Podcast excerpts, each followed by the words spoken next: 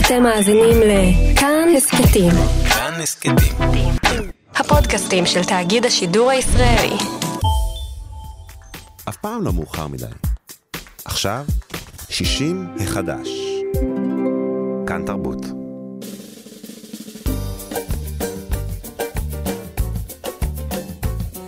שישים החדש, עם איציק יושע. לחיות בגיל השלישי.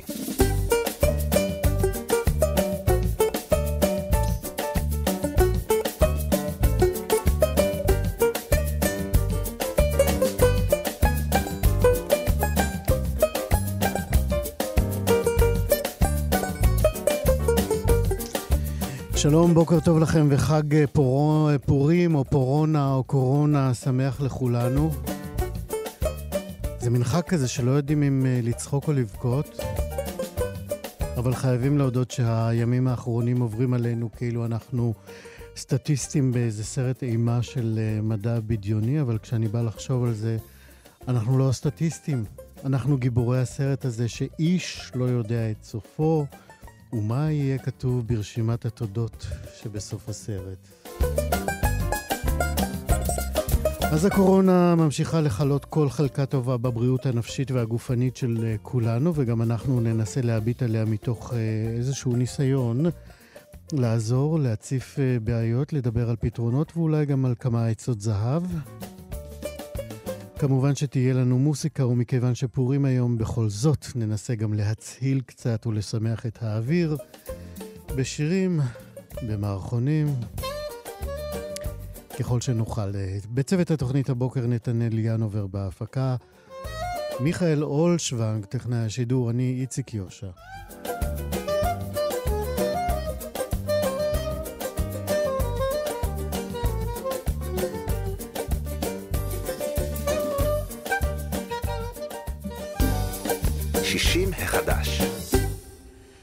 ככל שמגפת הקורונה מעמיקה את אה, אחיזתה, ברור לכל שהאוכלוסייה הפגיעה ביותר וזו שנמצאת בסיכון הגבוה יותר היא אוכלוסיית הזקנים, והחשיפה הפתאומית לאירוע בריאות כזה קיצוני אה, מחייבת אה, היערכויות חירום מסוגים שונים. הדוקטור אה, יורם מערבי הוא מומחה לגריאטריה מבית החולים הדסה בירושלים, הוא מוכר לכולנו כמי שליווה בחן רב את הסדרה 84, והוא איתנו עכשיו שוב. שלום, דוקטור מערבי.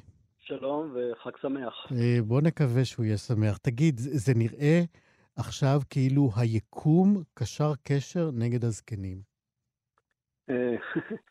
אה, כן, אנחנו מסתכלים הרבה פעמים בראייה מאוד צרה, זה האופי האנושי. אנחנו לאורך השנים מגפות באות והולכות, אה, יש כאלה שטוענים שזה המאזן של הטבע. אה, אני מניח שגם המגפה הזו תחלוף. זאת הברירה אה, הטבעית של הטבע, אתה רוצה נכון, להגיד. נכון, נכון, נכון. די מפחיד, כן. כן. נכון, מפחיד. זה נכון שזה מפחיד, אין ספק. אה, מכיוון שאין לנו עדיין תרופה ואין לנו עדיין חיסון, אבל יחד עם זאת, אה, יש דרכים לצמצם את החשיפה ואת הנזק. אני רוצה להדגיש פה שיש לי מין תחושה שיש קצת פחד יתר, זאת אומרת, לא הייתי אומר פאניקה, אבל קצת פחד יתר. זו בהחלט מחלה שהיא עלולה להיות קטלנית, בעיקר באוכלוסייה שאני מטפל בה, אבל אנחנו יודעים יותר טוב איך להתגונן בפניה ולהימנע, ואם מקפידים על ההוראות, ואני חושב שמדינת ישראל נהגה בחוכמה רבה, בניגוד לאיטליה למשל, אה, במה שנראה לנו לפעמים הגזמה, ושמעתי ביקורות, חוכמה רבה בהכלה של הדבר הזה. אז לא, אין מקום לפאניקה. כשאתה מקום... אומר הכלה כ- כרופא, גם uh, כמי שאמון על, על, על הכשלים הבריאותיים של, של הזקנים, וגם כמי שעכשיו לומד את המגפה הזאת כמו כולם, למה, למה אתה קורא הכלה של מגפה או של תופעה כזאת שלא יודעים עליה הרבה? Uh, החשש הגדול במגפות כאלה הוא שהיא מתפשטת ללא, ללא שליטה. אתה מאבד שליטה במגפה. אנחנו לא נמצאים שם, בשום אופן לא. גם אחרי שאתמול התגלה אזרח שהוא, אה, מקור ההדבקה שלו לא ידוע? כן, זאת אומרת אז, שיש אה, אתה יודע, הדבקה בקהילה? אוקיי, הדברים האלה קיימים, אבל uh, האמצעים שבהם מצמצמים את הכניסה של הנגיף מבחוץ, אוקיי? למשל, מה שנקרא עכשיו הסגר עם, עם בידודים וכולי, והדרך שבה מקיימים חקירות אפידמיולוגיות מקצועיות אחרי כל מקרה כזה כדי לתעד את החשיפה שלו ולדעת איפה היו המגעים האפשריים, זה מה שאני קורא הכלה. לדוגמה, תסתכל על איטליה. באיטליה לא נקטו צעדים כמו אצלנו של... אה, אה, סליחה, אה, לחייב אתה אנשים בסדר, להיכנס לבידוד. דוקטור? אני, דרך אגב, אני משתעל כבר איזה שהם חודשיים, יופי, זה לא תודה. קורונה, אבל אתה יודע, אני מרגיש לא נעים בכל פעם שאני צריך להשתעל ולהתנצל. אוקיי. אנחנו מאחלים אה, לך בריאות, אנחנו צריכים אותך. תודה רבה. אה, אז זו בעיניי הכלה, זאת אומרת, לנקוט בצורה מקצועית ולוודא מי נחשף למי, ולהכניס אותם לבידוד כדי לוודא שזה לא מתפשט הלאה, זה הדרך הנכונה. זאת אומרת, אה, אה, מה שאנחנו עשינו פה בארץ אה, נחשב לצעדי המנע היותר יעילים. ושוב אני שואל אותך, בעקבות המידע שהתקבל אתמול, שתמונת המצב בעצם השתנתה, אם אני מבין נכון, כהדיוט שמאזין לדיווחים. זאת אומרת, מרגע זה, כאשר יש אנשים שמדבקים או מעבירים את הנגיף, ואתם, הרשויות, לא יודעים מה מקור ההדבקה, זה אומר שבעצם מיטב או מירב המאמץ צריך להיות עכשיו בבדיקות המוניות של אנשים לבדיקת נשאותם לנגיף. זה נכון? אני חושב שזה כמה דברים במקביל, זה לא רק דבר אחד. אוקיי. אה, זה נכון שבדיקות רחבות ככל האפשר יעזרו לצמצם את הנושא הזה. יש מדינות שהשקיעו יותר בבדיקות מאשר בבידודים. אה, אין לנו עדיין אה, זמינות של בדיקות המוניות. אתה מדבר על דרום קוריאה, למשל. דרום קוריאה למשל, אה, כל, יש כמה מדינות שהצליחו לצמצם באופן משמעותי את החשיפה לנגיף, כולל דרום קוריאה, כולל סינגפור. אני חושב שאנחנו בתוך החבורה הזו. כל אחד נקט במדיניות טיפה אחרת. אבל אני חושב שאנחנו ב- בחברה טובה, ואני מאמין שמשרד הבריאות עושה מאמצים ויעמיד לרשותנו יותר ויותר בדיקות, כי הדברים האלה אני יודע שנמצאים בתהליך. אה, וזה יעזור לצמצם את הנושא הזה. אי אפשר, אה, אי אפשר לח, לחסום לחלוטין מגפות מהסוג הזה. אי אפשר. אפשר להכיל אותם, זה ברור לכולם. וברגע שאתה מכיל אותם, אתה, אתה אה, אה, פחות מעמיס על המערכת, ומצליח אחר כך להוריד את המספרים. ולזה אני חושב שכולם שואפים. כן, והנתון הידוע הוא שבעצם אוכלוסיית הזקנים היא היותר אה, שבירה, יותר פריחה, יותר מועדת אה, להיפגע מהנגיף הזה.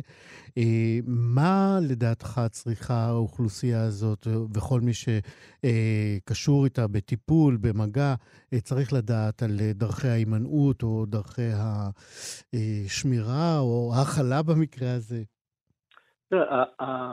ההדבקה בקרב אנשים זקנים וצעירים היא לא שונה, זו אותה הדבקה. אנחנו יודעים איך ביניהם- נדבקים? מה? אנחנו יודעים איך נדבקים? כן, אנחנו פחות או יותר יודעים איך נדבקים. הנגיף עובר בטיפות גדולות, אה, הוא מחזיק מעמד על משטחים אה, לתקופה ממושכת יחסית, מה זה ולכן- ממושכת יחסית? דקות, שעות, ימים? לא, אה, אה, מדובר על ימים. ימים. הנגיף, כן. אם נגעתי בידית הדלת אה, וחס כן, וחלילה כן, אני ולכ- נושא הנגיף, אז הידית נגועה במשך כמה ימים, וכל מי שנוגע אחריי מעביר וכולי. כן. עכשיו, זה שנגעת בידית זה עדיין לא אומר שאתה נדבקת.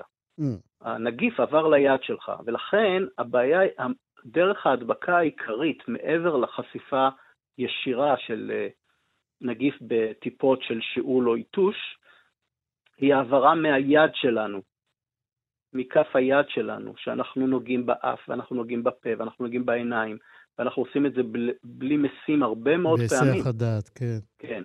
וזו הדרך, ולכן ממליצים להקפיד על היגיינה אישית, כלומר, לרחוץ את הידיים עם מים וסבון או עם אלכוהול בריכוז גבוה אה, כמה שיותר פעמים, ולנסות להימנע מהמגע הזה עם האף והפה וה, והעיניים, שהוא קשה. כן. אז אם אתה נוקט בהיגיינה כראוי, אם אתה ראשית נמנע מלהיחשף לאותם אה, מקורות שמעבירים, מקומות ציבוריים, ידיות של דלתות, המוט באוטובוס, כל מיני מקומות כאלה, אם אתה נמצא באפשרות לא להיחשף אליהם, אבל אם אתה נחשף אליהם, תרחוץ ידיים ככל האפשר ותימנע מלגעת ב... באזורים האלו. יש אנשים שאפילו, שמעתי חוקרים מסוימים שממליצים להשתמש במסכה כדי למנוע ממך להדביק את עצמך וואלה. באף ובפה. כן. אני חושב, אני לא יודע אם יש הוכחה על זה, זה נשמע לי קצת דרסטי. מרחיק לכת. אני חושב שהיגיינה אישית, היגיינה אישית לא שלא הרחקנו לכת עד עכשיו, כן. אה, עכשיו, שוב, אני, אני רוצה להדגיש, ההדבקה שדיברנו עליה היא אותה הדבקה אצל כולם. Mm-hmm. ההבדל בין הזקנים לבין הצעירים הוא לא ב, ב, ב, ברגישות שלהם להדבקה, הוא ברגישות שלהם למחלה. זאת כלומר, אומרת, מערכת החיסון שלהם. בדיוק, מערכת החיסון שלהם והיכולת שלהם אה, לסבול את המחלה עצמה, מי שיש לו למשל ריבוי של מחלות כרוניות. מדוע הזקנים הם בכזה סיכון? מכיוון שבדרך כלל אלה שיש להם ירידה במערכת החיסון כתוצאה מהזדקנות פיזיולוגית, הם גם אותם אלה שמסתובבים עם ריבוי מחלות כרוניות, כך שיש להם סיכון כפול ומכופל. ולכן עליהם אנחנו צריכים להגן ככל הניתן ולהדריך אותם, להימנע ככל הניתן מהדבקה. איזה עוד אוכלוסיות אה, של זקנים אה, צריך אה, לתת להם מבט נוסף או תשומת לב מיוחדת? תראה, אנחנו כבר דיברנו בעבר, אני רוצה לחזור ולהדגיש. Mm-hmm. זקנים זה מונח מאוד כללי. נכון. והמאפיין את ההזדקנות הוא שונות. אנחנו הופכים להיות הרבה יותר שונים כאשר אנחנו מזדקנים. ולכן כשמדברים על זקנים, יש זקנים צעירים ויש זקנים זקנים. ההבדל ביניהם הוא לא הגיל הכרונולוגי, הוא ההזדקנות הפיזיולוגית שלהם, ואנחנו מכירים, אנחנו רואים מסביבנו אנשים שנראים פנטסטי בגיל 90 ו-100, ואנשים שנראים מאוד מאוד מאוד שבריריים בגיל 50-60. כשאני מדבר על זקנים, אני מדבר על זה, על הפיזיולוגיה, על ההזדקנות הביולוגית. אנשים זקנים שהם מה שאנחנו קוראים שבריריים, הם אלו בסיכון גבוה יותר, לא אותם הזקנים שהם עצמאיים, מתפקדים, מסתובבים ואיכות החיים שלהם היא טובה. אלו שהם בסיכון, שהם שבריריים, שהם מסתובבים ריבוי מחלות, אצלם אנחנו צריכים אה, להקפיד יותר, לסייע להם. עכשיו, יחד עם זאת, יש לנו אוכלוסייה של זקנים שזקוקים לסיוע תפקודי. Mm-hmm. כשאנחנו מדברים על בידודים היום, אה, הזקנים הם לא הבידוד כמו שראינו באוניית שיט היפנית הזאת, mm-hmm. או המשנה למנכ"ל משרד הבריאות שישב בבידוד לאחר שהוא חזר משם, גרוטו. והוא התראיין לטלוויזיה. אנחנו מדברים על אנשים זקנים כן. שזקוקים לעזרה בלבוש, ברחצה, בתפקוד היומיומי. הם לא יכולים להסתדר בבידוד לבדם. Mm-hmm. עכשיו, המדינה חייבת לסייע להם. אני אתמול הופתעתי מאוד לשמוע שביטוח לאומי למשל הוציא הנחיה, כרגע, אני מקווה שהם ישנו את זה, הוציא הנחיה שאם מי שזכאי לסיוע אה, על ידי מטפלים, אה, דרך חוק סיעוד לביטוח לאומי, אם הוא נמצא בבידוד, או מישהו מבני המשפחה שגרים איתו בבידוד, משרד, אה, אה, ביטוח לאומי מעביר את הגמלה בכסף, ומעביר את האחריות לבני המשפחה. אני חושב שזה לא אה, ראוי. כן, זה קצת אכזרי במידה. זה, זה, זה, זה כאילו להתנער מאחריות, יש הרבה מהם שתלויים במטפלים האלו לעזרה, והם זקוקים להם, ואני חושב שהמדינה מחויבת לתת להם את המענה הזה, כי זאת לא אוכלוסייה שיכולה להסתדר לבד. לא רק זו, mm-hmm. אני, אני רוצה ל, ל, ל, לציין, אני שוחחתי אתמול עם ליאור שטרסברג, מנכ"ל אה, מט"ב. Mm-hmm.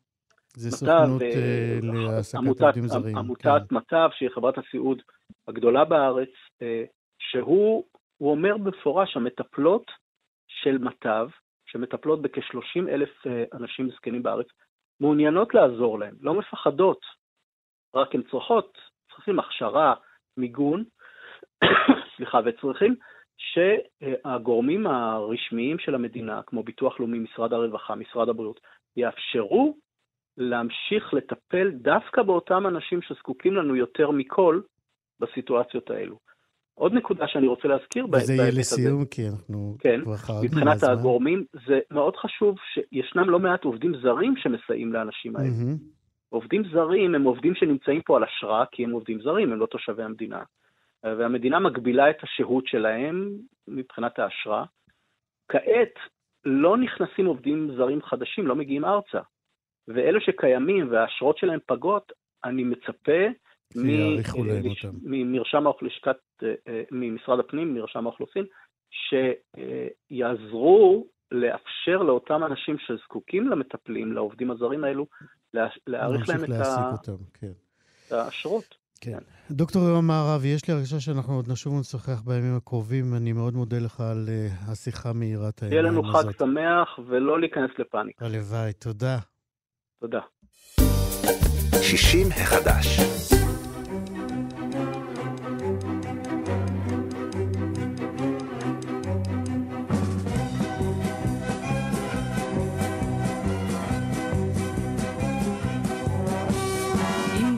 ראשנו שח,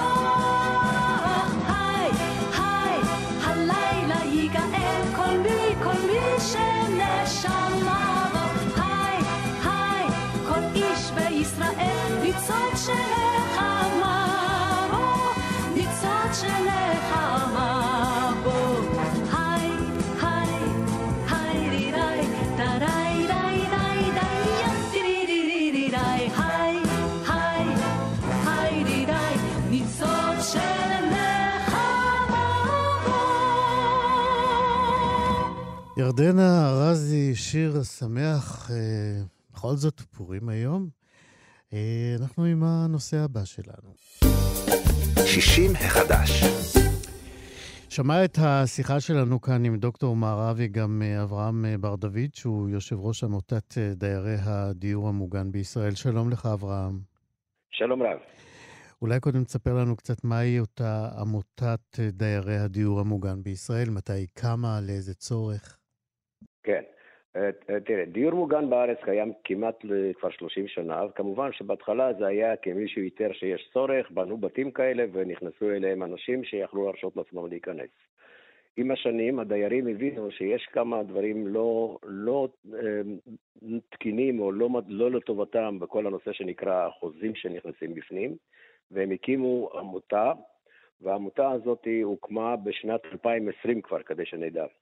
והעמותה הזאת כוללת היום בערך, את, קודם כל בדיור מוגן היום גרים כ-15,000 איש, והעמותה כוללת בערך שלושת רבעי מתוך האנשים האלה, כי רק מי שמתנדב להיות בפנים יכול, יכול להיות חבר בעמותה, וכל מה שהעמותה עושה, מנסה לקדם את, ה, את העניינים האישיים של, ה, של, ה, של הדיירים. והדבר האחרון, הדבר הקודם שהם עשו, שהצליחה לעשות העמותה אחרי הרבה שנים, ב-2012 חוקק חוק בנושא של דיור מוגן, והחוק הזה בעצם לא ניתן היה לממש אותו כי היו חסרים בו את כל התקנות שצריך להיות בחוק, והיו בו הרבה מאוד לקונות, הרבה מאוד חורים, כמו גבינה שוויצרית. ובשנים האחרונות הצלחנו להעביר למצב כזה שבעלי הבתים מוכרחים לתת לאלה שנכנסים לגור בדיור מוגן בטוחה על הכסף שהם שמים שם כפיקדון, שזה כסף שיכול להיות בין שניים לעד חמישה מיליון שקל, תלוי. בגודל הדירה ובמקום שלה, וכתוצאה מכך הדבר הזה בעצם מתממש ממש בימים האלה, זה, כי, כי זה מה שהחוק קבע, נתן להם אה, זמן לבעלי הבתים לעשות את הפעולות המתאימות כדי לתת לדיירים את הבטוחות, ש, שבעצם הבטוחות הן אה, משכנתה מדרגה ראשונה על הדירה שבה הוא גר. אוקיי, אלה הפעולות של העמותה כן. והחקיקה שהצלחתם אה, להוביל, ובקרוב אה, נקווה שגם תצליחו לעשות את התיקונים שנדרשים. אה, אה, מ- שמעת בוודאי, אני לא יודע כמה אתה, אבל אתה בטוח אה, מודע למצוקות של דיירי הדיור המוגן וגם קשישים אחרים סביב מגפת הקורונה שפוקדת אותנו. בהחלט. איפה, איפה אתה מזהה מצוקה של הדיירים סביב העניין אני הזה? אומר לך, הדיירים, הדיירים בדיור מוגן מצד אחד הם יותר מוגנים כי יש בית שתפקידו לדאוג לדיירים ולוודא שחלילה מישהו עם חולה או משהו כזה, יש מרפאה במקום. הב- הבעיה הדומיננטית היא שבדיור מוגן, אה, בדרך כלל באים, אחת הסיבות הדומיננטית שבאים זה כדי לא להיות בבדידות, להיות, להיות בחברותה, יש חוגים, יש הרצאות, יש אה, ער- ערבי אה, אירועים כאלה או אחרים, וכתוצאה מכך אה, אנשים נמצאים בחברה. הבעיה היא שבגלל מה שקרה בכל נושא של, הקורונה, מה שקרה זה שבעצם עכשיו בהרבה, מו- ברוב הבתים בעצם מבטלים את האירועים המיוחדים. אם זה, אם זה יציאה להצגה ביחד, אם זה הצגה אצלם, אם זה להשתתף בחוגים שיש בהם רב- רבי משתתפים. אה, הדבר הזה אה, נאסר או נמנע, ובצדק, כדי להבטיח את בידודו של, בידודו של האדם בצורה מרבית. אם, ויש כבר כמה אנשים בדיור מוגן שאכן נפגעו כי היו בטיולים בתקופה שבעצם התחילה כל, כל המחלה הזאת, וכתוצאה מכך כשהם באו לפה הם בבידוד. אז בתוך הדיור המוגן יש יתרון גדול שמבחינת האוכל אפשר לדאוג להם שמישהו יביא את האוכל, ישים אותו בפתח של הבית. הבעיה היא שהם לא יכולים לצאת מהבית, ואחת הסיבות הדומיננטית שבאו זה על הבדידות אם אתה נשאר בבית לבד כאדם זקן, ופתאום אתה נמצא באותו מצב. אני רק מקווה שזה ייגמר מהר. כולנו מקווים. אה, אברהם אה, בר דוד, אה, יושב ראש עמותת דיירי הדיור המוגן בישראל, נקווה שלפחות המצוקות האלה של הקורונה ייעלמו במהירות ותוכלו אמן. להתפנות כדי לתקן את החורים השוויצריים, ב- ב- חורי הגבינה שאתם עדיין רואים בחוק, אה, בהחלט, הדיור המוגן מ-2012. יש כאלה הרבה ואנחנו מתכוונים לזה, רק אנחנו צריכים ממשלה בשביל זה, זה דבר קטן. אז אה, בואו נקווה שתהיה לנו גם ממשלה וגם הקורונה תלך מכאן. אברהם יופי, הלוואי, אמן, תודה. אברהם בר דוד, תודה רבה, להתראות. 60 החדש. בוקר, בוקר, בוקר, בוקר. לקום, לקום כולם, נו, לקום. כל בוקר אותו סיפור. להוציא את החבר'ה האלה מהמיטות זה ממש פרודוקציה, מוזיקול. תאמינו לי, זה בית האבות היחידי בארץ שקמים ב-12, בצהריים. מה לעשות, ככה זה אצל האומנים, נשאר להם הרגלים מהמקצוע. כן. בוקר טוב, אריק ושושיק. אריק, אני מבקשת עם האופניים לחצר. לא לנסוע עם אופניים בפרוזדור, תיקח את ישראל גוריון ביחד תצאו לחצר. כן, זה לא קל לעבוד עם אמנים, תאמינו לי, זה עם קשה. אבל מה, זה בידור, בידור. הם מאוד רגישים, מאוד. יוסי, תעזוב את החצר, אל תחנוק אותו, זה לא יפה, תעזוב אותו. זה לא יפה לחנוק. לפני חמישים שנה הוא אמר עליו מילה רעה, עד היום הוא לא סולח לו. כמו שאמרתי לכם, מאוד רגישים, מאוד, לעצמם. היי, טופז עלה. תפסיק, זה לא יפה, בגילך קונצים כאלה? מה קרה, טופז? הלכת לאיבוד עוד פעם? בוא, בוא, אני, אני אביא אותך לחדר שלך. הנה, שם החדר שלך, טופז עלה. מסכן, התקלקלה אצלו קצת הראייה בזמן האחרון. לא, זה שהוא לא רואה את האחרים זה מילא, אבל זה שהוא לא רואה את עצמו בראי... דרך אגב, טופזי, טופזי, יש אחד בחדר אוכל, מחכה לך, אומר שהבן שלך.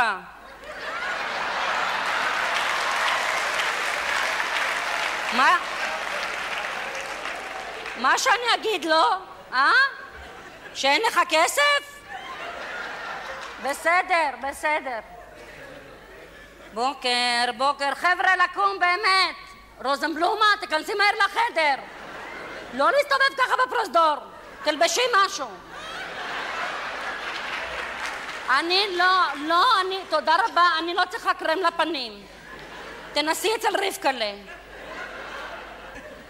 בוקר, בוקר, בוקר, בוקר, יואו, הנה הגענו, זה החדר של חנה לסלו. חכו תראו איזה קטע.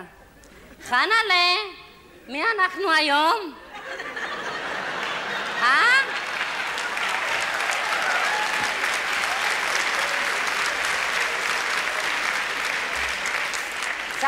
סבתא זבתא? בסדר, מה סבתא זבתא שותה תה? מסכנה, היא לא יודעת מי, זה מקרה קשה. היא מקרה קשה של מולטי סכיזופרניה. היחיד שמסתדר איתה זה טוביה צפיר. כן, הנה טוביה, בוקר טוב טוביה. מי אתה היום? שמיר? פרס? אריק שרון? אה, מה, כולם ביחד? תיזהר, טוביה, לה, שלא תיכנס למשבר קואלציוני עם עצמך. מה אני אגיד לכם, אומנים? הנה, פה זה החדר של מוני וברבא. אלה מי זהו זה? הם התחתנו. מוני? ברבא? רוצים תה? אה, אני מפריעה? סליחה, סליחה. הם עובדים על תוכנית יחיד כבר 40 שנה.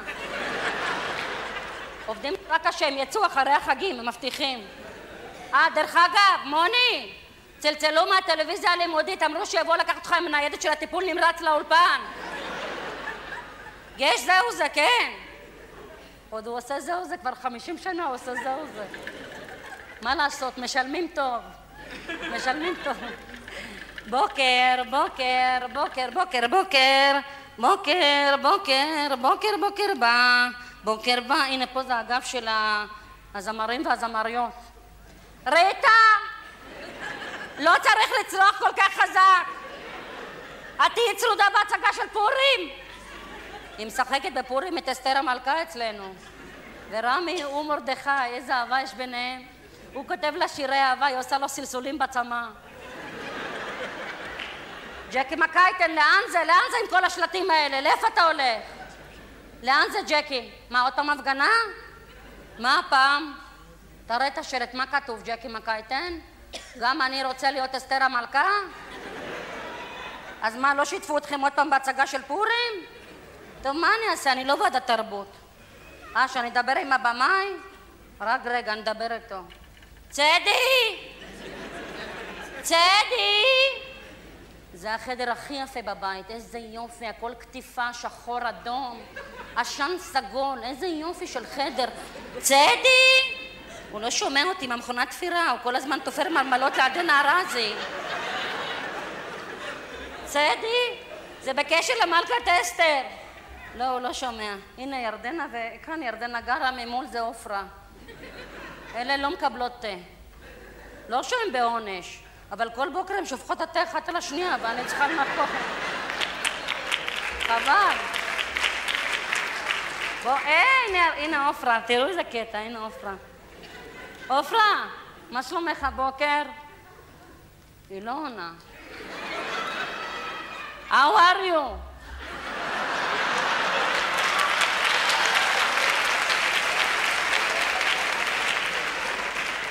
כמו סבא, ישראל דוז בואה. ענתה ראיתם? היא מדברת רק אנגלית וצרפתית. אבל מה, היא עוד חולמת בתימנית. שלמה, מישהו ראה את שלמה ארצי? רבאק, כל הזמן הוא נעלם לי. שלמה, אה, הוא במרפסת. כל בוקר הוא הולך לי לאיבוד. אני מוצאת אותו, הוא בא אומר לי כל הזמן, רוב הזמן את אשתי. אני אומרת לו, שלמה, זה לא אני. אז הוא אומר לי, יש לי אישה, למברטה ושני ילדים. אני אומרת לו, לי יש בעל, אוברדרפט וקורקינט. אז הוא צוחק. אז אני אומרת לו, תגיד לי, מה קרה לך, שלמה, יש לך חום? אז הוא אומר לי, יולי-אוגוסט. אומנים, מה לעשות? צריך לדעת איך לתפוס איתם ראש. אמרתי לכם, זה בידור פה. בוקר, אני עומדת מדברת ככה כאילו אין לי עבודה. היום יש אירוע חשוב בבית, אתם יודעים? הנין של אורי זוהר מתחתן עם הנינה של אריק איינשטיין.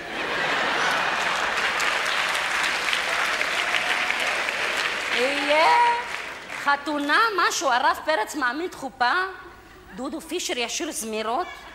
לא, הוא קיבל חופשה מעלובי החיים. ואומרים שאולי, אולי יביאו מהליקופטר במיוחד את יפה ירקוני מההופעה של חיילינו אי שם בצפון. טוב, יאללה חבר'ה, אני צריכה להתפזר. כמו שאומרים, the show must go home. חנה לסלו היחידה היא קלרה המנקה בבית האבות אה, לאומנים. 60 החדש. אין ספק שאירועי הקורונה מחדדים אה, סוגיות שאנחנו נדרשים להן ביומיום בעוצמה אחרת ובתשומת לב אה, משתנה, כמו למשל היציאה לגמלאות, הפרישה מעבודה. אה, מצבים שמזמנים לנו אתגרים אה, חדשים והתמודדות אה, שמזמנת גם לא פעם בדידות והרבה חוסר אונים. דוקטור שלומית מנור היא סוציולוגית וגרונטולוגית מהאקדמית גליל מערבי, ועכשיו היא איתנו על הקו. שלום, דוקטור מנור. שלום, שלום. עד כמה הבידוד הגורף הזה שהמדינה הוטלה אליה, שלא לומר כמעט כל העולם, אה, כמה הבידוד הזה יכול אה, להוות אה, המשך מסוכן לתחושת הבדידות שחווים ממילא קשישים בגיל הפרישה? אז זהו, אמרת נכון, הבדידות היא באמת אחת התופעות הנפוצות מאוד בתקופת הזקנה. באופן כללי, באמת מרגע יציאה לגמלאות, כי בהיעדר מסגרת חברתית, אה, אין למעשה עם מי לחלוק את הפחדים ואת החששות. אה, במיוחד אנשים עריריים שחיים לבד, אין להם איזושהי דמות אה, קרובה לחלוק איתה את, ה, התחושות האלה, ובמצבים של חרדה וחוסר ודאות, אנחנו יודעים שגם כאבים קטנים ומחושים קטנים הם מתגברים. אה, אנחנו יודעים שאנשים שהיו בריאים לחלוטין אה, ולא סבלו מבעיות מיוחדות, אה, לדוגמה, אחרי שהם יצאו לפנסיה, פתאום הם מדווחים על תלונה פה, תלונה שם, ואנחנו רואים עלייה בפנייה שלהם לקופות החולים, לרופאים שקשורים באמת למצבם הבריאותי. בנוסף לזה, mm-hmm. אה, מאחר ואת מרבית המידע הם מקבלים מאמצעי התקשורת כמו הטלוויזיה, הרדיו, העיתונות הכתובה, זאת אומרת, אמצעי התקשורת אה, הפחות אה, דיגיטליים, מה שנקרא, אז לפי מחקר שאנחנו עורכים עכשיו, אנחנו מגלים למעשה שהם די, זה, זה, זה, אלה מקורות המידע העיקריים שמהם הם ניזונים. אה, לפעמים יש כאלה שיש להם קבוצות וואטסאפ, אה, שאפשר קצת אה, ככה לשתף ולשאול שאלות, אבל אין להם בעצם מקורות מידע אחרים. במקרה ויש להם שאלות, או, או אין, אין בעצם מי שירגיע אותם, יכניס קצת לפרופורציה, משום שהם לא מחוברים לאפיקים אה, כמו אה, אה, אינטרנט, גוגל וכן הלאה. כן, ואנחנו מדברים באמת על אוכלוסיית הקשישים או הזקנים שלא נמצאים בדיור מוגן, אלא עדיין ממשיכים נכון. להיות בבתים הפרטיים שלהם, עם או בלי מטפלים. נכון, נכון. ומה שפעם היה באמת אה, אופייני, חשבנו לאפיין יותר את החברה המערבית, היום אנחנו יודעים שהבדידות אופיינית גם לחברות אה, מסורתיות וגם לחברות שבחלקן אה, מערביות. לדוגמה אצלנו, בחברה הערבית, אה, מחקרים מדווחים על בדידות מאוד אה, קשה, גם... למרות בקרב... הידיעה, או לפחות המוסכמה, שהחברה הערבית אה, יותר דואגת לקשישים שלה, תמיד הילדים ימשיכו לטפל בהורים והם נכון. יחיו איתם עד שיבה ו... נכון, נכון, נכון. אנחנו מגלים למרות שזה... זאת אומרת, יש מחקרים שמפריכים את מה שאני חשבתי? בפירוש, כן. זאת אומרת, נכון שזו חברה מאוד משפחתית. חברתית, ונכון שהילדים נמצאים בסביבה, אבל תראה, גם, גם ה, ה, אה, יש קודם כל ירידה בשיעורי הילודה, יש פחות ילדים, הילדים עובדים. Mm-hmm. בדרך כלל אנחנו דואגים כלפי מטה, ל, לילדים שלנו, ויותר אה, קשה ל, ל, לילדים לדאוג להורים שלהם. כן. אה, כך שלמעשה גם הם חווים בדידות. ומבחינתם המעבר דווקא לדיור מוגן אה, זו אופציה שהיא פחות מקובלת. אז מצד אחד משאירים אותם במסגרות החברתיות, אה, במסגרות המשפחתיות בבית, ומצד שני הם למעשה לבד בבית. וכשהם לבד, החרדה כמובן אה, עולה. ובעידן שבו הטכנולוגיה מאוד מתפתחת, מן הסתם יש איום עוד יותר גדול על, על הבדידות או על ה... העובדה שהם מנותקים או לא יכולים או לא מוכשרים לתפעל את הטכנולוגיות האלה. נכון, נכון. וגם טכנופובים במידה מסוימת, זה מגביר את הסיכוי שהבדידות שלהם תגבר. מה, אתם, מה עולם המחקר יודע על, על המציאות הזאת? נכון, ללא ספק. Uh, במחקר שאני עורכת עם uh, העמית שלי, uh, דוקטור אריה הרשקוביץ, אנחנו רואים שבאמת יש הרבה מאוד חסמים בשימוש באינטרנט, הם מדברים על פחד, שלא בהכרח, הפחד הוא, בעצם משתק אותם, ולכן הם לא פונים ל- אה, לרשתות חברתיות כמו אה, פייסבוק או דברים כאלה, וגם... זה מחקר אה, שמתבצע ממש בזמן הזה? אנחנו, ב... אנחנו, אנחנו מבצעים את המחקר עכשיו, במיוחד באזור הפריפריה הצפונית של ישראל. מה זה אומר? מה גבולות הגזרה? אנחנו לקחנו למעשה מקצת חיפה, אבל צפונה, אנחנו מבואות חרמון, גליל תחתון, גליל עליון. איך בחרתם דווקא את האזור הזה? על פי איזה קריטריונים? הרציונל היה ללכת דווקא למקומות שהם פחות עירוניים, כי בהנחה שדווקא באזורים הכפריים ובפריפריה, אנשים יותר צריכים להיות יותר זקוקים לחיבור הזה מאשר כשהם נמצאים ב- בלב תל אביב או בלב חיפה או ירושלים. ודווקא באזורים הפריפריאליים אנשים זקוקים לטכנולוגיה כדי uh, להתחבר, uh, ולצערנו דווקא uh, uh, שם האפשרות שלהם להתחבר לטכנולוגיה היא נמוכה. עכשיו, אנחנו יודעים שהרבה מאוד שירותים היום, אם זה שירותי הבריאות, שירותי בנקים, אה, אה, מונגשים באמצעים אה, דיגיטליים. אם זה קביעת תור לרופא, אם זה לראות את הבדיקות שהן עשו בדיקות מעבדה, שלא לדבר על, על באמת בנקים. מרבית השירותים האלה ניתנים היום בעיקר באופן דיגיטלי. זאת אומרת, המחקר שלכם, מה הוא בעצם בא לבדוק? את מידת המוכנות שלהם, אה, של אותם אה, קשישים, אה, להתגבר על אותו נכון, פחד? נכון, ללמוד, כן. נכון, גם, כן, הדרך, הדרכים בעצם שניתן להתגבר על, הפחדים, על החסמים, כשמה שאנחנו רואים הרבה פעמים זה שהם רוצים ללמוד, למרות הפחד, אבל הם זקוקים להדרכה, ובעיקר להדרכה אישית, הדרכה צמודה, אה, לא אה, קבוצות, זאת אומרת, לא כיתות, לא משהו mm-hmm. גדול, אלא משהו מאוד מאוד אישי, אחד על אחד, כי הם זקוקים באמת להדרכה ולתרגול. יפה. אז כשהמחקר הזה יושלם, הנה, את, אנחנו מזמינים אותך לחזור אלינו עם הממצאים הסופיים כדי...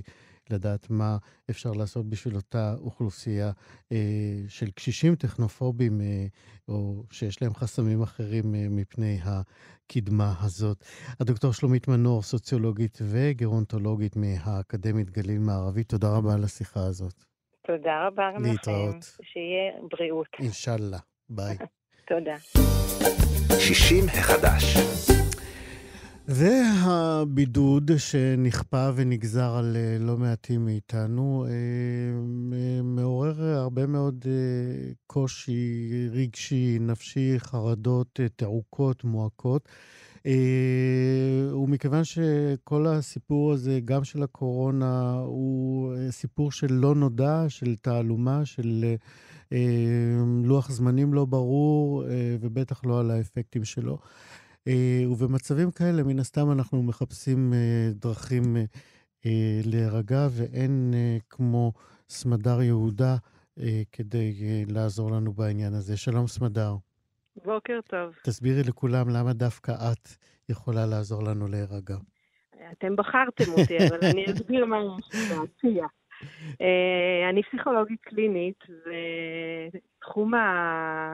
העיסוק המרכזי שלי הוא בשילוב של מיינדפולנס, uh, mm-hmm.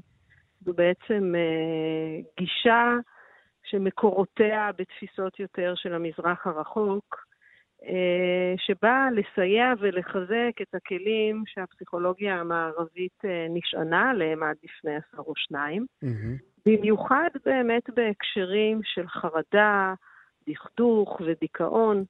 ואני שמחתי שפניתם, כי אני חושבת שיש אה, הרבה רלוונטיות. אה, גם לאנשים שלא בקיאים בתחום, אולי יוכלו ככה לאסוף כמה רעיונות או כיוונים שיוכלו לסייע בימים האלה. אז בואי, יש לנו, אנחנו יודעים על אוכלוסיית אה, קשישים אה, וזקנים שגם בימי הקורונה מבודדים, אבל גם בימים אחרים הם, אה, הבדידות לא קלה ומחפשים דרכים ואפיקים להפיג אותה. בהחלט, אני חושבת שהדרך אולי הטובה ביותר והבהירה ביותר להמשיג את הנושא היא להבחין בין גורמי הסטרס והדחק שישנם ובין מקורות התמיכה והחיזוק שאנחנו יכולים אז למצוא. הנה, אני למשל זקן אה, בבית, אפילו לא בדיור מוגן, אני, רמת התפקוד שלי בסדר, אבל מסביבי השכנים מבודדים, וה, והילדים נכנסו לבידוד כי הם חזרו מחוץ לארץ לפני כמה זמן, ואני לבד בבית, בלי, גם קצת טכנופוב, לא, לא בקיא באינטרנט. מה, מה את מציעה לי? אני חושבת שאנחנו נתחיל בעצם אה, לעזור לעצמנו בהגדרת המצב. יש כרגע מצב שבו גורמי דברי הסטרס- אליי, אני עכשיו הזקן אה, שזקוק. לך. תראה, אז אני אומרת בצורה, קודם כל, אה, אה, הכי ישירה, אכן, רמת הסטרס שאתה נתון בה עלתה. מהמם, כי נלקחו ממך גורמי תמיכה כמו ביקורים של המשפחה מהמם. ואפשרות להיפגש עם שכנים וכולי. עוד דבר שהעלה את הסטרס, בעצם שמסתובבת כרגע מגפה שמאיימת עליך וגם מרבים להזכיר בתקשורת שאתה מועד יותר לך, נכון, נכון. פחד מוות. אני חושבת שהדבר המרכזי הוא להבין שאנחנו כרגע ניצבים בפני החמרה של חוסר הוודאות וחוסר השליטה, שבעצם הם מנת חלקנו כבאי עולם. בכלל, אנחנו חיים באמת בהרבה חוסר ודאות ובמעט מאוד שליטה, אבל כל עוד השגרה שלנו היא יחסית שמורה ומוגנת, אנחנו פחות נתקלים בזה. ופתאום זה ככה מגיע באיזה משב מאוד חזק, ישר לפנים, ויש הרבה אפשרות ל- למצוא נחמה גם בהבנה שכרגע זה המצב, אנחנו חשופים יותר, מהמם. קיבלנו תזכורת לא כל כך נעימה לפגיעות שלנו, לשבריריות, אבל עם זה ניתנים לנו גם כל מיני אמצעים שנוכל להגן על עצמנו יותר בהקשר של הקורונה, לעשות את מה שבתחום שליטתנו, ומעבר לכך, מהמם. לנסות ולמזער את מה שאני אקרא לו הסבל המשני. והסבל המשני מגיע בעיקר מהמחשבות שלנו. מהמם. אם אתה תשב ותמשיך לדמיין את התסריטים, פעם תחשוב מה יקרה אם אתה תחלה, ופעם מה אם הבן שלך יחלה, ופעם מה עם השכנה. אז מה אני צריך לעשות במקום זה? אתה צריך להתחיל להיות כמו פקח מחשבות של עצמך, ולומר לעצמך, בנועם וברכות, איציק, בוא תרפה מן המחשבה הזו, היא הרי לא תורמת לך, נהפוך הוא, היא מחלישה אותך. אתה מבזבז מהכוחות שיש לך על להדוף הרבה מאוד סיטואציות שהן בכלל לא קרו. מרק טוויין אמר שהוא מבקש שעל קברו יכתבו, מהמם. כאן מונח אדם שעבר טרגדיות רבות, שרק ספורות מהן באמת התרחשו במציאות. אז בואו ננסה לזכור את הדבר הזה ולהגיד, אם חס וחלילה, בייחוד אתה כאדם זקן, שעבר כמה דברים בחיים, וכבר היית, מהמם. יש לנו תעצומות נפש, ויש מהמם. התפתחויות שיכולות תמיד להפתיע אותנו גם לטובה.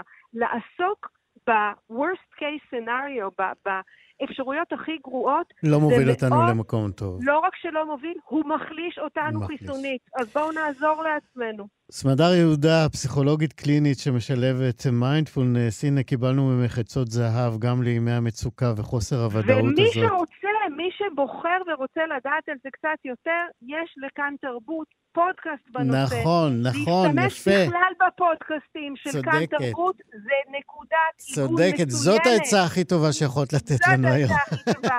למלא את עצמנו בדברים משמחים. סמדר יהודה. כאן. כן, אנחנו תודה. נשלח אותך חזרה לבלות בטבע איפה שאת נמצאת. תודה נכון, רבה וחג תודה רבה. שמח. חג שמח. אנחנו עוד חנה לסלו. מה אתם חושבים שהגוף נהיה, הגוף בוגד בנו, אבל הראש ממשיך לעוף, מה אתם חושבים?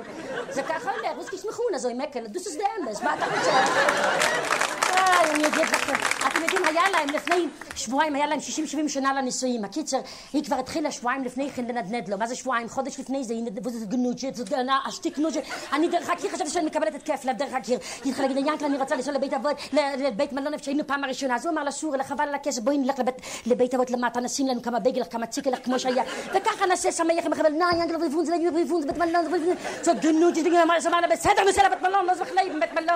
בקיצר, נוסעים לבית מלון, הם חוזרים ומספר שהם נכנסים לחדר, אומרת לו, ינקל, אתה זוכר איך אנחנו היינו פה בחדר בפעם הראשונה? הוא אומר לה, כן, אומר, אתה זוכר איך אנחנו אכלנו את ארוחת הערב? הוא אומר לה, איך אכלנו? דרך הפה, איך אכלנו? אז היא אומרת, לא, ינקל, אתה לא זוכר איך אנחנו ישבנו אחד מול השני והיינו ערומים. אז הוא אומר לה, שור, היינו, זה היה לפני 60 שנה, היינו ערומים לפני 60 שנה, היינו, מה את רוצה עכשיו? ינקל, אני רוצה שנתפשט. הוא אומר לה, שור, בסגרת משיג לך מחום דמאס, אני לא מתפשט, עזבי אותי. בקיצור, הקיצודות, הקיצודות, ינקל, בקיצור, מה הוא רוצה לאכול? מתפשט, בקיצור, יושבים אחד מול השני ערומים, אוכלים את המרק. והיא אומרת לו ככה, ינקל, אתה יודע שאני מסתכלת ככה על שנינו, אז ממש שנייה לי חם בלב. אז הוא אמר לסורלה, תוציא את הציץ עם המרק, אז לא יהיה לך.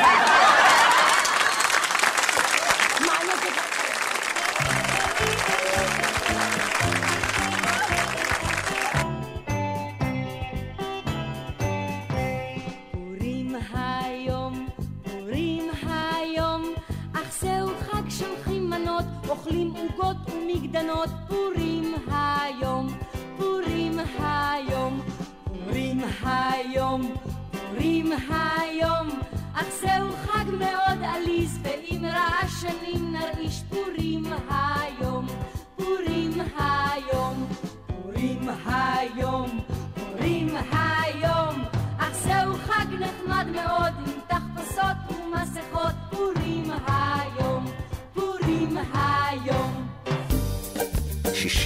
60 החדש. כשענת ארד אה, מיצתה את עבודתה בתחום ההייטק, היא ביקשה למצוא נתיבים להתנדבות, ובהם היא תוכל אה, לבטא את יכולותיה הנוספות, והיא התנדבה למקום שעסק בחלוקת אה, מזון, ושם גם היא קלטה שיש מיומנויות נוספות להרבה מאוד אנשים שיכולות להועיל, למשל, לחלוקת המזון לנזקקים, אבל בכלל כל העניין של...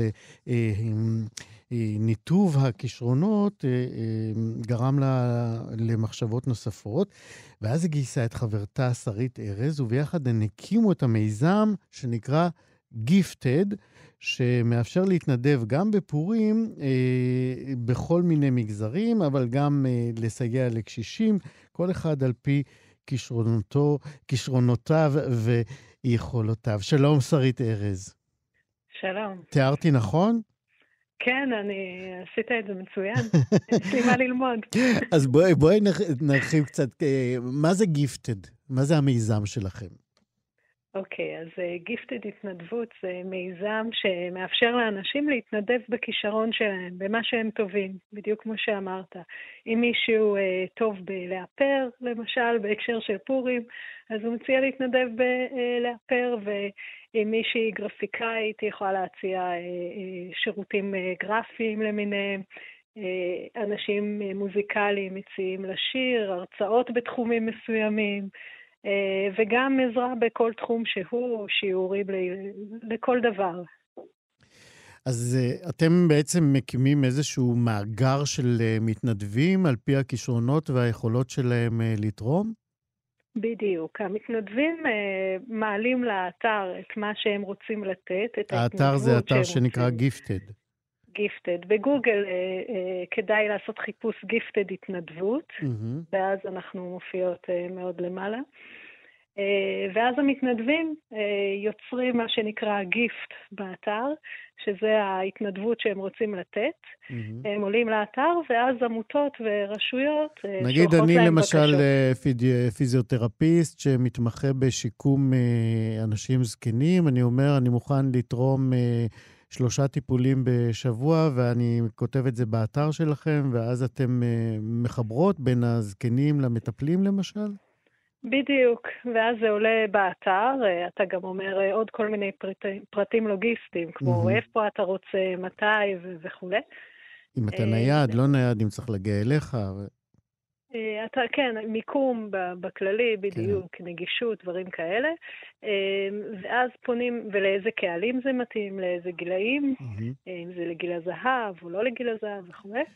ואז אה, בעצם העמותות והרשויות רואות את ה gift ושולחות בקשות בהתאם לצרכים שלהם. איך נראה מערך המתנדבים שלכם אה, אה, למען הקשישים, למען הזקנים? אז יש צורך מאוד גדול בהתנדבויות לגיל השלישי והקשישים.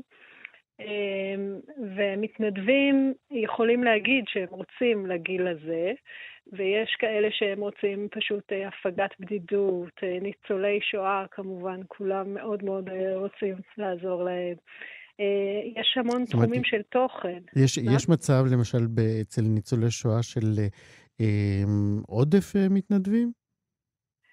אה, ניצולי שואה זה איזשהו תת-תחום אה, בגיל הזהב שהוא מאוד, הרבה מתנדבים אה, רוצים, אם כבר גיל הזהב, המון רוצים את ניצולי שואה. זה די מרחיב את הלב כן. לשמוע, כי אנחנו כן, בדרך כלל כן. שומעים על ניצולי השואה רק בנסיבות שמדירים אותם, שוכחים אותם. אמ, אצלנו, מההיכרות שלי לפחות, אה, כשאנשים רוצים אה, עם גיל הזהב, הרבה מהם אומרים, אנחנו מעדיפים, אה, אפילו נשמח, ניצולי שואה. אבל לרוב גם אנשים אומרים, לא, לא משנה לנו, גיל שלישי, אנחנו רוצים הפגת בדידות, או שהם מעבירים כל מיני הרצאות תוכן מיוחדות, למשל הרצאות על חלומות, על תזונה, על אה, כל מיני נושאים, על התפתחות אישית, אה, אה, ואז בעצם כל מיני מועדוני קשישים או תוכניות לקשישים למיניהם פונות למתנדבים האלה. זאת אומרת, התחום של ההתנדבות לגיל השלישי הוא, הוא גולש על הרבה, הרבה מאוד תחומים, מהנושא של הפגת בדידות וביקורי בית ועד לתחומי תוכן, הרצאות, איפור, צילום ובעצם הרבה תחומים. יש את זה גם בכיוון ההפוך, זאת אומרת שזקנים, קשישים בגיל השלישי, שיש להם אה, פנאי, מבקשים להתנדב ולעזור לאחרים, קשישים אחרים או אפילו לצעירים? כן. אה, באיזה תחומים? הרבה, יש הרבה כאלה שהם בגיל פרישה, זאת אומרת, הם יוצאים לפנסיה בגיל לא, לא כזה מבוגר. Mm-hmm. אה, ואז הם מציעים, ויש לנו אפילו מתנדב בן 74, אה, שהוא הנדימן אה, בצלאל. הוא מסתובב ככה בכל מיני מקומות, גם במועדוניות של נוער בסיכון, ומתקן להם דברים. יש לו גישה טכנית. והם יכולים, הרבה מהם הם מאוד over-qualified, הם, יש כאלה שמרצים, הנה למשל המרצה של החלומות, mm-hmm.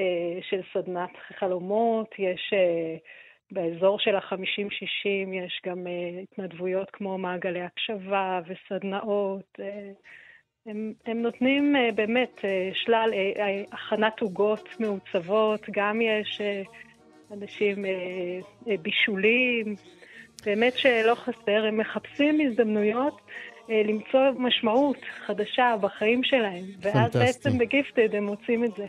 פנטסטי, אז נזמין את כולם לחפש אתכם גיפטד אה, התנדבות, גיפטד אה, התנדבויות אה, ברשת, שם תוכלו גם להתנדב וגם למצוא מתנדבים על פי הכישרונות והיכולות שאתם רוצים לתת או לקבל.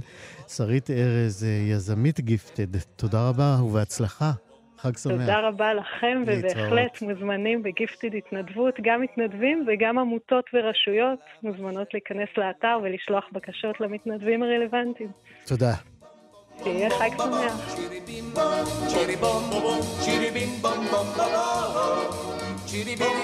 זהו חברים, עם הצ'ירי בירי בום הזה אנחנו מסיימים את השעה הזאת של שישי מחדש, הפורימית בצל הקורונה, ככל שזה יכול להיות פורימי הדבר הזה. נתנאל ינובר היה בהפקה, מיכאל אולשוונג היה טכנאי השידור, אחרינו מה שכרוך, יובל אביבי, מה יעשה לה? אני איציק יושע, נתראה כאן ביום ראשון. חג שמח.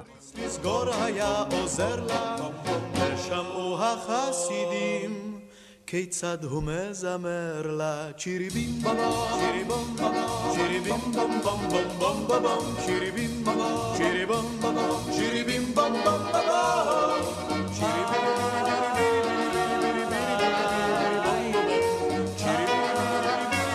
צ'ירי בים בום בום בום בום